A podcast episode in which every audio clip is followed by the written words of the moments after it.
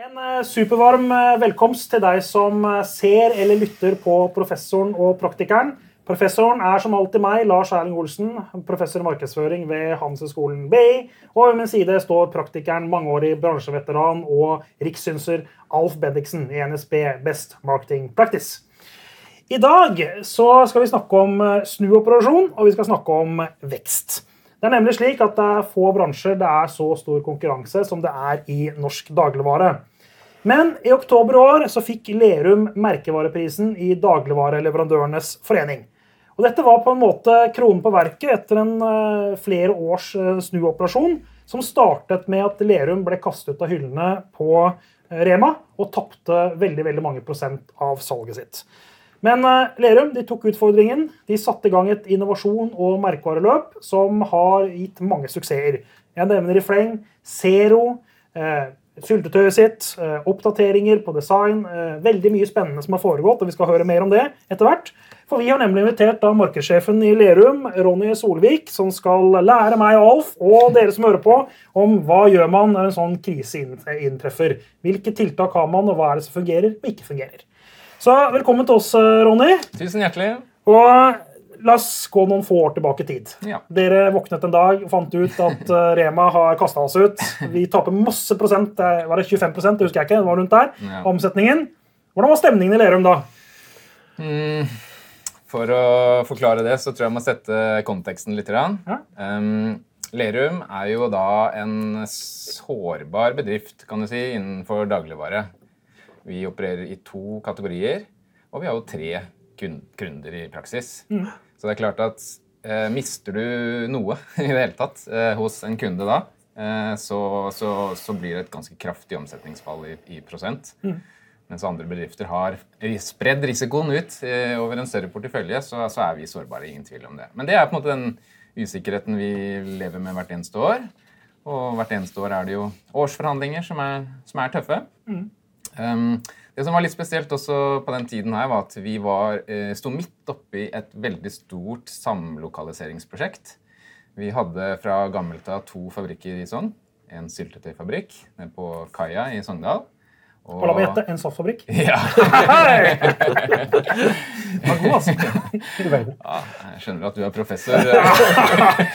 Litt sånn mainspilling må til. Ja. Uh, og, og, dette er jo kostbare og, og, usikre prosjekter, eh, selvfølgelig, og det sto vi midt oppi uh, med all den usikkerheten man da har. Mm, samtidig jobbet vi med masse spennende vekstinitiativ. Vi hadde mye på blokka, som også krever en del investeringer og usikkerhet. Og når man da i en eh, desemberdag i 2016 eh, får bekreftelsen om at vi er ute eh, med da én av to kategorier i én av tre kunder, så var det dårlig stemning.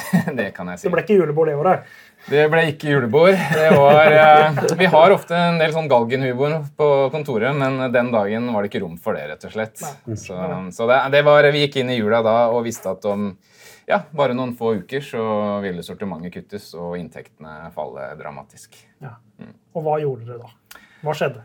Nei, altså da, Aller først så er det jo liksom å slukke, slukke brannen, holdt jeg på å si. Og man må jo umiddelbart på en måte lage et nytt estimat for, for året. Eh, man har masse faste kostnader som ikke faller bort. Eh, så det er å begynne å kutte, da. Mm. Så det, det, er jo en tøff eh, øvelse. Og når du står da midt oppi alle disse tingene vi egentlig har lyst til å investere i, så, så var det tøft. Men det måtte selvfølgelig gjøres. Det var nedbemanninger, og det var um, en, eh, en ubehagelig tid. Eh, det var det. Mm. Um, når det er gjort, så må man jo begynne å se framover. Og liksom ryggmargsrefleksen er jo selvfølgelig at vi skal tilbake, og så fort som overhodet mulig. Uh, og så er man jo litt bitter, kanskje, og, og, og, dette er jo på en måte en økonomisk vurdering som, som, Rema gjør, og de gjør det som de mener er det beste for de. Um, men etter hvert så går jo på en måte også uh, Man får jo på en måte en sånn uh, erkjennelse da, av at dette skjer jo fordi vi har ikke produkter som, som kundene tenker at de er, kan klare seg Altså de kan klare seg uten. da. Så da må man jo styrke merkevaren, man må forbedre produktene, og det satte vi jo egentlig i gang med Ja. relativt Hvordan, hva er det første du gjorde? da? Lagde reklamefilm, eller? det er ikke det som er marketing, liksom? Ja, ja, ikke sant? Det er, um, der sier du noe. Nei. Um, første vi gjorde, var jo å Nei, jeg skal rette meg selv. Dere lagde content. Det gjorde dere først. Var content marketing, ikke sant? Content marketing. Vi går all in på content marketing. Og performance-målinger. Nei, nå tuller vi litt. Men altså, vær litt seriøs. Hva liksom, hvor begynte dere da prosessene? Nei, Da begynner vi med å gå tilbake til innsikten. ikke sant? Det er jo, vi har jo løpende tilførsel av innsikt, men det er jo ikke hver dag man liksom tar et sånt skikkelig dykk eh, og se på det på nytt, men det gjorde vi da. ikke? Så da blir det å gå inn og se skikkelig godt igjen på eh, driverne og forstå på en måte forbrukeren og forstå hva det er som gjør at vi ikke blir valgt oftere da, i, konke- i, i forhold til konkurrenten. Så innsikten er jo alfa og omega. Så, så det var, eh, og vi gjør mye innsikt eh, og, og gjorde mer da enn vi gjort på lenge. Men Dere er jo et 100 år gammelt selskap eh, og har drevet med saft og syltetøy i alle år. Så dere visste ikke noe om kundene eller forbrukerne? Var det sånn det var? Eller? Kan alltid vite mer om eh, forbrukeren, tror jeg. Og så er det mm, sånn at uh, ting går litt sånn på autopilot en stund, og man, man er tilfreds, og man gjør det bra. Vi, vi gjorde det ganske bra, faktisk, uh, i markedet når vi var på vei ut, men allikevel så, så gikk vi ut og, og, og, og måtte ta et stort steg tilbake. Så mm, jeg vil ikke si at det var sånn veldig liksom, voldsomme endringer heller som ble gjort. Men det var det å på en måte få liksom, bevisstheten tilbake til liksom, det aller viktigste. Da. Kjernen. Liksom, hva er det som er viktig når forbrukeren står i butikk og velger ett produkt i forhold til et annet? Ja. Har det endret seg permanent hos dere? At, eh, for det, dette var jo en snuoperasjon, som eh, Lars sier. Men ble det så, er det sånn dere nå jobber hele tida?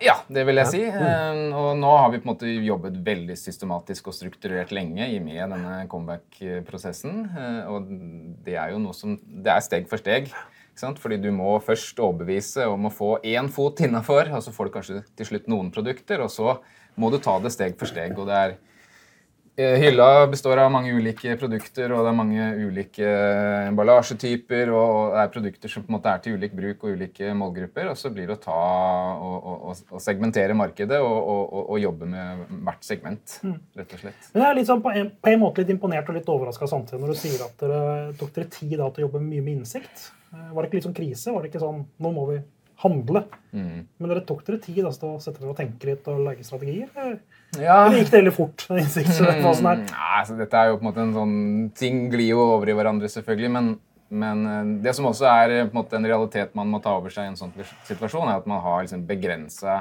økonomisk handlefrihet.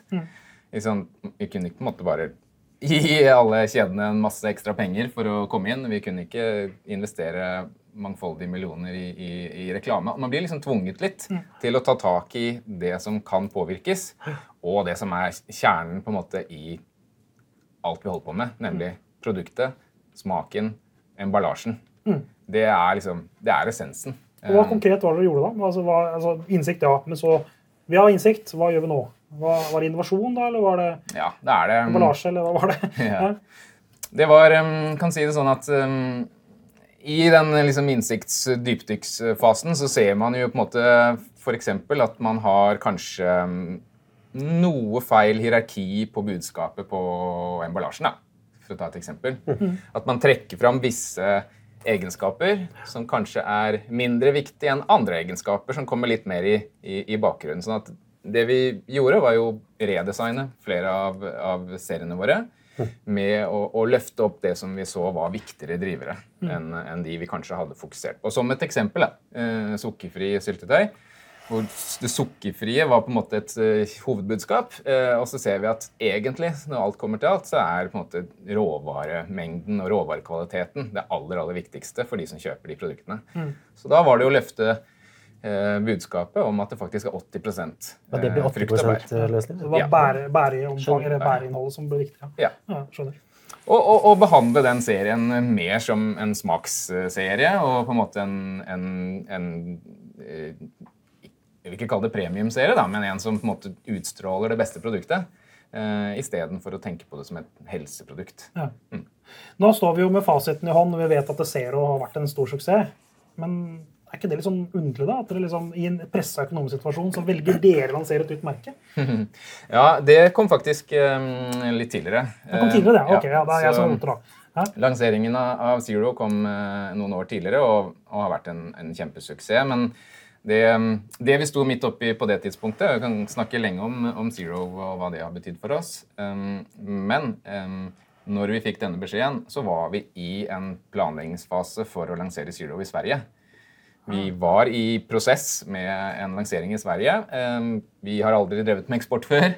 Um, alt er helt nytt uh, for oss. Uh, det vil selvfølgelig være en del risiko knytta til det også.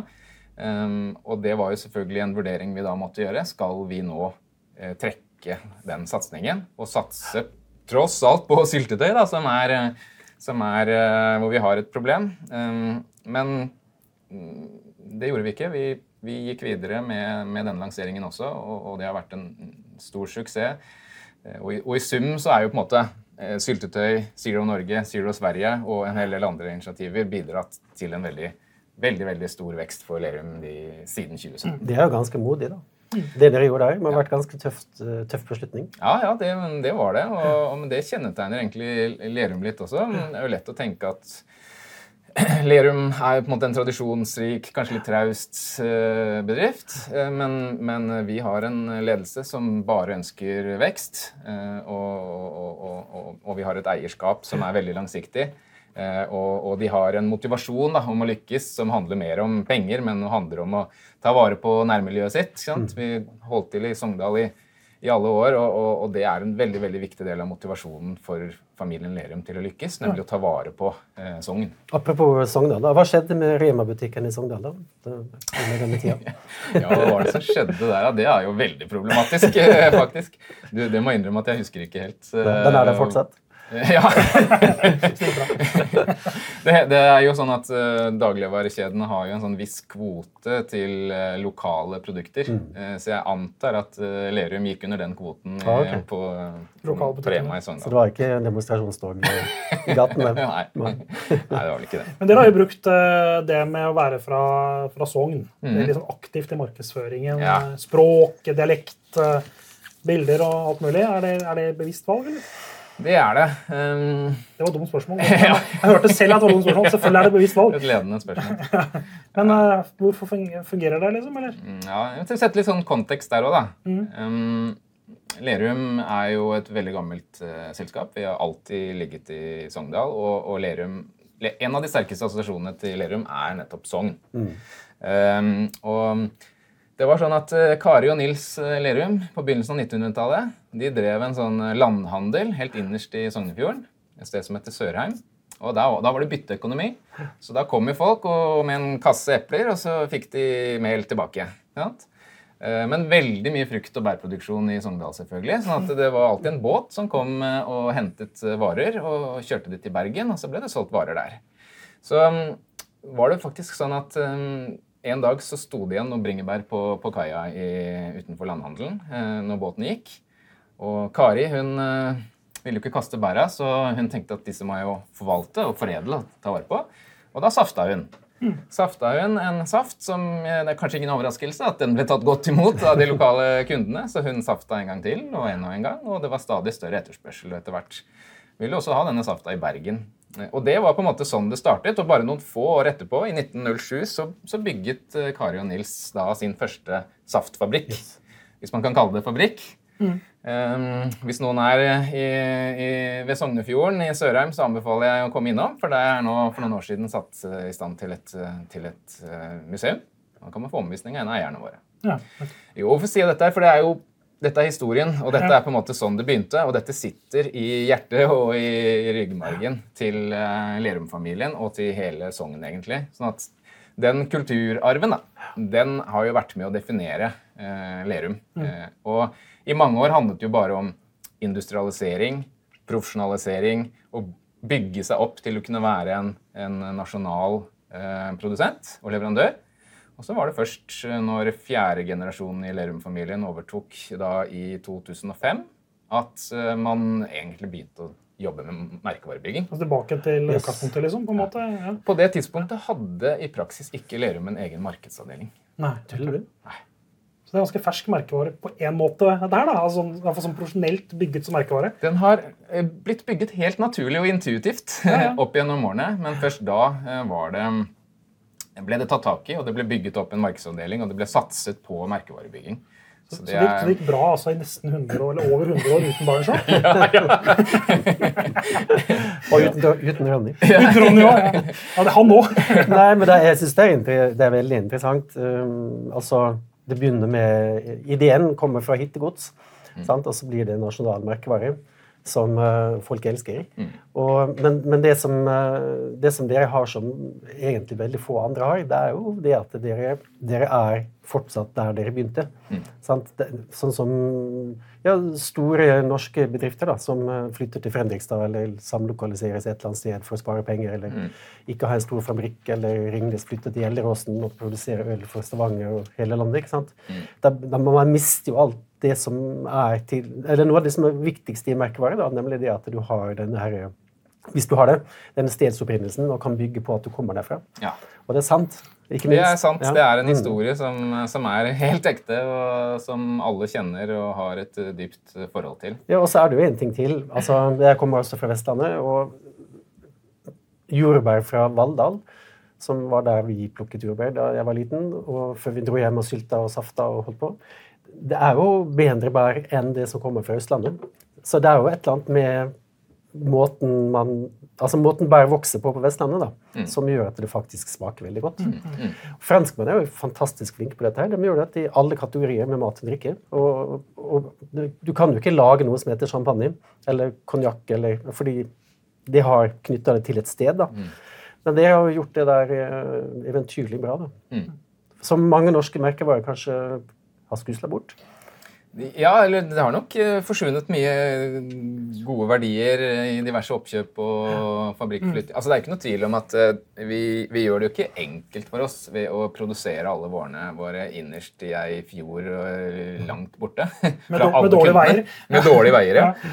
Så det er jo et håpløst utgangspunkt, egentlig. Men markedsavdelingen er jo her i Oslo. Det er den. Vi er seks stykker som eh, Vi har eh, hovedkontor i distriktet, og så har vi distriktskontoret vårt i, eh, rett utenfor Oslo. Det er morsomt. da, Du det kan, si Viken, da. Ja, Viken. Men, men dere har jo vært i veldig mange år nummer to bak Nora, Mm. på, i hvert fall på syltetøy. Mm. Og, men dere har jo mindre økonomiske ressurser, sannsynligvis, antar jeg. Mm. Mindre ressurser til innovasjon. Antageligvis dårlig forhandlingskraft overfor kjedene. Mm. Eh, Hva, liksom, hvordan, har dere, altså, har hvordan klarer dere å få det til? Altså, hvordan har dere jobbet annerledes da? når dere har andre forutsetninger enn store konkurrenter? her?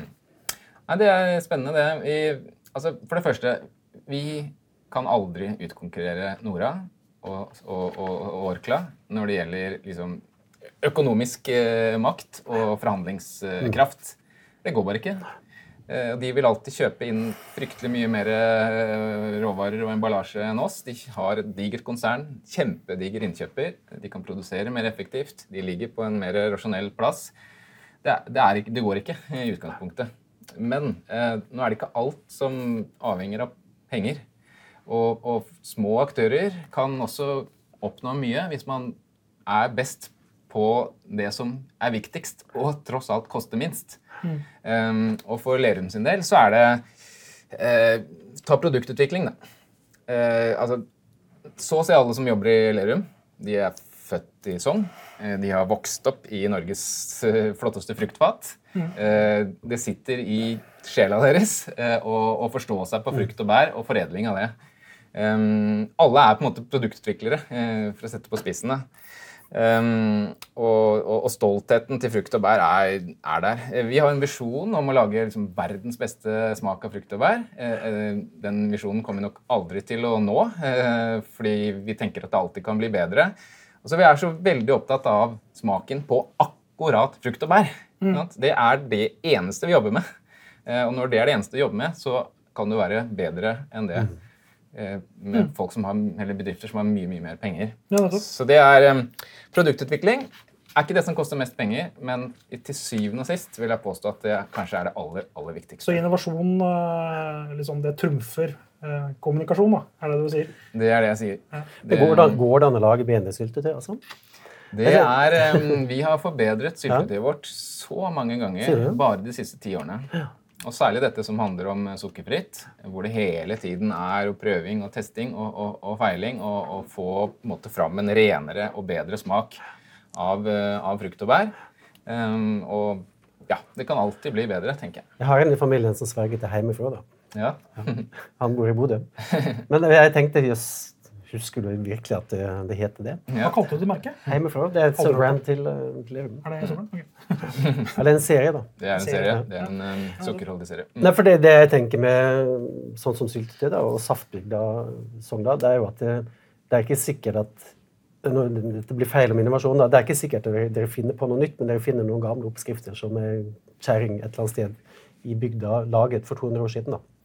Ja, det, som er, det som er på en måte viktig for oss, er jo å ta vare på historien og tradisjonene, håndverket, men ikke bli sittende fast i fortiden. Ikke sant? Fordi at det kommer hele tiden nye produksjonsmetoder, det fins nye ingredienser, det fins nye måter å gjøre ting på. Så det å kombinere tradisjonen med alle de nye, moderne mulighetene som ligger, det gjør at man hele tiden kan fornye seg. Kult. Så det er da ekteskapet mellom innsikten og teknologien som på en måte hele tiden ligger her. da. Ja, ja kan du si. Og ellers er det jo, som jeg var litt inne på i stad også, et fokus eh, vi har, og den liksom, kunnskapen som, som vi tross alt legger i den kjernen vi holder på med. Altså vi er eh, eh, I en større bedrift med mange ulike kategorier så, så er det ikke sånn at alle går rundt og er liksom spesialister på alt. Men hos oss bare frukt og bær. Alle har kunnskap om det. Og vi er også en veldig eh, vi tar på en måte innsiktsarbeidet seriøst. Jeg vil påstå at vi er en ganske eh, seriøs eh, og grundig eh, innkjøper av research, og bruker det mm, så godt vi kan for å prøve å Altså, vi ønsker å være Norges mest kunnskapsrike personer innenfor kategoriene våre. Og det investerer vi mye i. Og det er også en det koster penger med research, men det er ikke det som velter på en måte et markedsbudsjett. Nei, nei. Eh, Så det, det investerer vi også mye i. Men uh, nå har det gått fem-seks år. Si litt hvordan det har gått, da. Altså, hva er liksom What is the results? Er det, altså, er, det, er det sterkere finansielt nå? Er det høyere markedsandeler? Hvordan det var før denne krisen? Altså, jeg trenger ikke å fortelle detaljene, men litt sånn the big picture. Ja, nei, The big picture er at vi eh, altså vi selger 30% mer eh, merkevarer enn vi gjorde for, eh, i 2017. Ja. Så det er veksten Det er mye, vi har. Det er, det er Så det har vært vært en covid imellom, det vet jeg, men likevel. Ja. Ja, og det er siste året hvor vi har mista en del av, av veksten igjen da, etter covid. Um, vi har et driftsresultat som gikk fra veldig stusslige 6 millioner i 2017 til 33 i 2021. Og Det er jo dramatisk vekst, da. Det er det. det er det. Og, eh, men det, det flotteste er jo altså På syltetøy så har vi nesten dobla markedsandelen vår. Um, I fjor så ble vi altså markedsleder på syltetøy for første gang noensinne. Ja. Vi holdt, vi holdt på siden 1907. Dere slo Nora, endelig. Det er mulig dere var markedsleder 1908, da, men det vet dere jo ikke. Nei, nei, det er noe før Nilsen-talen. Tid, ja. Ja. Og ellers så har vi jo eh, hatt en enorm vekst med denne merkevaren Zero, som ble lansert da i, i 2013. Um, i omsetter i Norge og Sverige for eh, en kvart milliard ut av butikk. Det er jo en vesentlig del av det totale salget til Lerum. 30 ca. Um, vi har gått inn i et helt nytt land, i Sverige. Eh, kjempesuksess. Vi har 15% markedsandel i totalkategorien og nærmer oss 100 millioner i omsetning i Sverige. Til neste år så tror jeg kanskje vi kommer til å lage mer Zero til Sverige enn til Norge. Så, så det er eh, også noe som bidrar veldig. Og i det hele tatt eh, løftet andelene våre også på, på saft i Norge. Konsentrert drikke. Mm. Vi har strukket merkevaren over i nye kategorier. Vi har hatt um, samarbeidsprosjekt, en merkevareallianse med Henning Olsen. Eh, så sammen lagde vi jo det som faktisk er verdens første og eneste is uten kalorier. Mm. Um, med Zero? Mm. Ja. og, og, og samme historie der egentlig som i Norge og i, i Sverige. At vi, vi har økt kategorien. Vi ser at det er nye forbrukere som kommer til. Vi, har, eh, vi gjør kaka større. Ja. Når vi lanserte Zero i, i Norge, så så vi i um, en helt uavhengig stor undersøkelse at eh, penetrasjonen blant de yngste forbrukerne som, som ble spurt i den undersøkelsen, 15-24 år, hadde økt med 50% etter lanseringen av Zero i Norge. Mm. Og det ser vi gang på gang, at den, den merkevaren gjør en jobb som ikke vi klarer med Lerum-merkevaren, å bygge kategori. Og derfor vant dere DLF-prisen, eller? Ja, DLF-prisen var jo eh, først og fremst for merkevaren Lerum. Ja. Vi må, vi eh, må si hva det er. for du sa DLF. DLF det er Dagligvareleverandørenes forenings merkevarepris, som vi vant i oktober 2022. Ja, ja det, var, det var vi veldig veldig stolte av. Det handler jo om eh, på en måte et langsiktig arbeid, selvfølgelig. Og så særlig med den veksten vi har hatt på syltetøy da, etter, eh, etter at vi mistet distribusjonen for noen år siden. Så, så den reisen har jo bidratt veldig. Men, men det er jo en eh, hedersbetegnelse som veldig få har fått faktisk i dagligvarebransjen. Så, så det er vi stolte Ja, Hvis det er bare én hvert år, så er det ikke så mange. Nei. Nei. Men du, øh, den desemberdagen mm. dere var litt nedfor, og det var lite galgenhumor på kontoret. Mm. Kan man sånn i etter, altså etterpåklokskapens lys, det er jo en eksakt vitenskap, kan man da si at den krisen var bra for dere? Ja, det, det var den faktisk. altså. Ja. Jeg tror eh, kriser kan være veldig veldig bra. Eh, Det gjør at man er nødt til å anstrenge seg mer og gå tilbake til de grunnleggende spørsmålene som man, som man har en tendens til å glemme. Særlig når alt går litt sånn på skinner og, og, og det stort sett går eh, greit. Så, så, så ja, det har nok vært, vært veldig bra for oss. Jeg tror, jeg tror det er altså Man ville jo egentlig ikke ha en krise. Det, det er lett å si etterpå at det, ja, det var faktisk noe vi klarte å utnytte. Men det var jo ikke noe gøy. Men det å, jeg tror det som andre kan lære av dere, det er jo eh, hva dere gjorde. ikke sant? Eh, og så er det ingen som har lyst til å komme dit, men jeg tror det er gans, ganske mange som kommer til å havne der snart. Fordi EMV kommer til å øke. Det blir ikke flere merkevarer i hyllene. Kjedene kommer til å presse dere sant? mer og mer. Og det som, er, som jeg tror er en fin øvelse for mange, det er å si hva kan vi lære av dette her, da? Jo, ok, vi blir delista i Coop. Sant? Hva gjør vi nå? Hva altså, og da er spørsmålet hva gjør du nå? Og da, det da begynner å gå tilbake igjen til eh, sånn som dere gjorde, og begynne å finne tilbake til hva som er aller, aller, aller viktigste. Fokus. sant? Og så gjorde du det med produkt, smak og emballasje, som du sa, og så fikser dere det til å bli bedre, og så bygget dere stein for stein for stein. Og den øvelsen kan man jo gjøre selv om krisen ikke har vært der. Og jeg laget en sånn krise for en kunde en gang, for han sa det var eh, Coca-Cola var konkurrenten, og det var snakk om at Coca-Cola kom sannsynligvis med et vann. Og da kan man jo tenke seg hvem denne konkurrenten var. Men eh, så spurte han kan du liksom lage, lage Coca-Cola-strategien for meg, så jeg kan finne ut hvordan jeg skal forberede oss. Så laget jeg det, og så ødela jeg juleferien for han da. Men han, da så han at dette blir en krise. Det var sånn eh, jeg laget da den lanseringen. Han, de forberedte seg, og det ble ingen krise.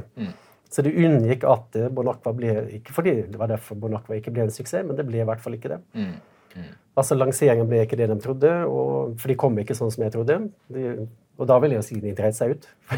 for det, det kunne gjort det selvsagt bedre. avsi. Du gjorde ikke sånn som jeg hadde skrevet et fiktivt men- case, som ingen har lest. Ja, det var faktisk ganske smart. De burde ha gjort det. Gjort det. Ja. Nei, altså EMV er jo noe som henger eh, over oss, selvfølgelig, og, Ja. og oss alle i, i bransjen. Og, og jeg gjør det tøft. Um, jeg Men er, det, er EMV stor, altså egen merkevare, da? EMV, for de som ikke vet hva det er. Ja. Er det stort i syltetøy og soft? Ikke sånn som det er i mange andre kategorier, nei. Vi har um, 12-13-14% verdiandel i våre kategorier uh, til PL. Men, um, men eh, det er jo all grunn til å tro at eh, presset fra PL blir større, Naturligvis. naturligvis. Så, men det er jo bare én måte å møte det på, da. Det er jo å sørge for å være best på, på det man jobber med. Og for vår del, som jeg har sagt flere ganger nå, så handler det om saft og syltetøy, frukt og bær. Og når det er det eneste vi jobber med, så skal vi kunne klare å være bedre enn generalister som jobber med alt mulig rart. Eh, og, og, og da er det bare å bygge merkevarer, forbedre produkter og, og, og, jobbe med basisen. Da lykkes du. For det er jo Og innovere. Ikke sant? For det, det, det er jo det Eller Mark Ritson, som vi har nevnt i noen andre sendinger. Han var jo her for to og et halvt år siden, og da fasiliterte jeg en lunsj med han og en norsk bedrift. Og, og de, han spurte dem hva altså, egne merkevareandelen i dagligvarene i Norge nå. Og da sa de at det er sånn 17-18% Og så var de litt sånn tilfreds. liksom Lente seg tilbake og tenkte det har jo ikke gått veldig opp siden det kom, da. Og så kom, svarer han da at det, det er tipping point. Det. Ja. det er nå det kommer. Og det har det gjort. ja, det er jo For enkelte kategorier er det jo. Skyhøyt. Ja, ja, ja. Skyhøyt. 50, 60, 70. Ja. Ja. Ok. I gamle dager i Donald Duck så sa Donald alltid 'saft suse'. Og det syns jeg passer veldig godt når vi har Lerum på besøk. Så saft suse, Ronny. Tusen takk for at du møtte opp. Takk for historien om Lerum, og veldig interessant å høre på deg. Og tusen takk også til deg som eh, lyttet eller så på oss. Eh, Husk at det er lov å sende en mail til Alf eller meg, dere finner oss hvis dere googler, eh, om temaer eller personer eller deg selv hvis du har lyst til å komme på besøk til oss og snakke om et eh, spennende tema. Så vi ses igjen neste uke.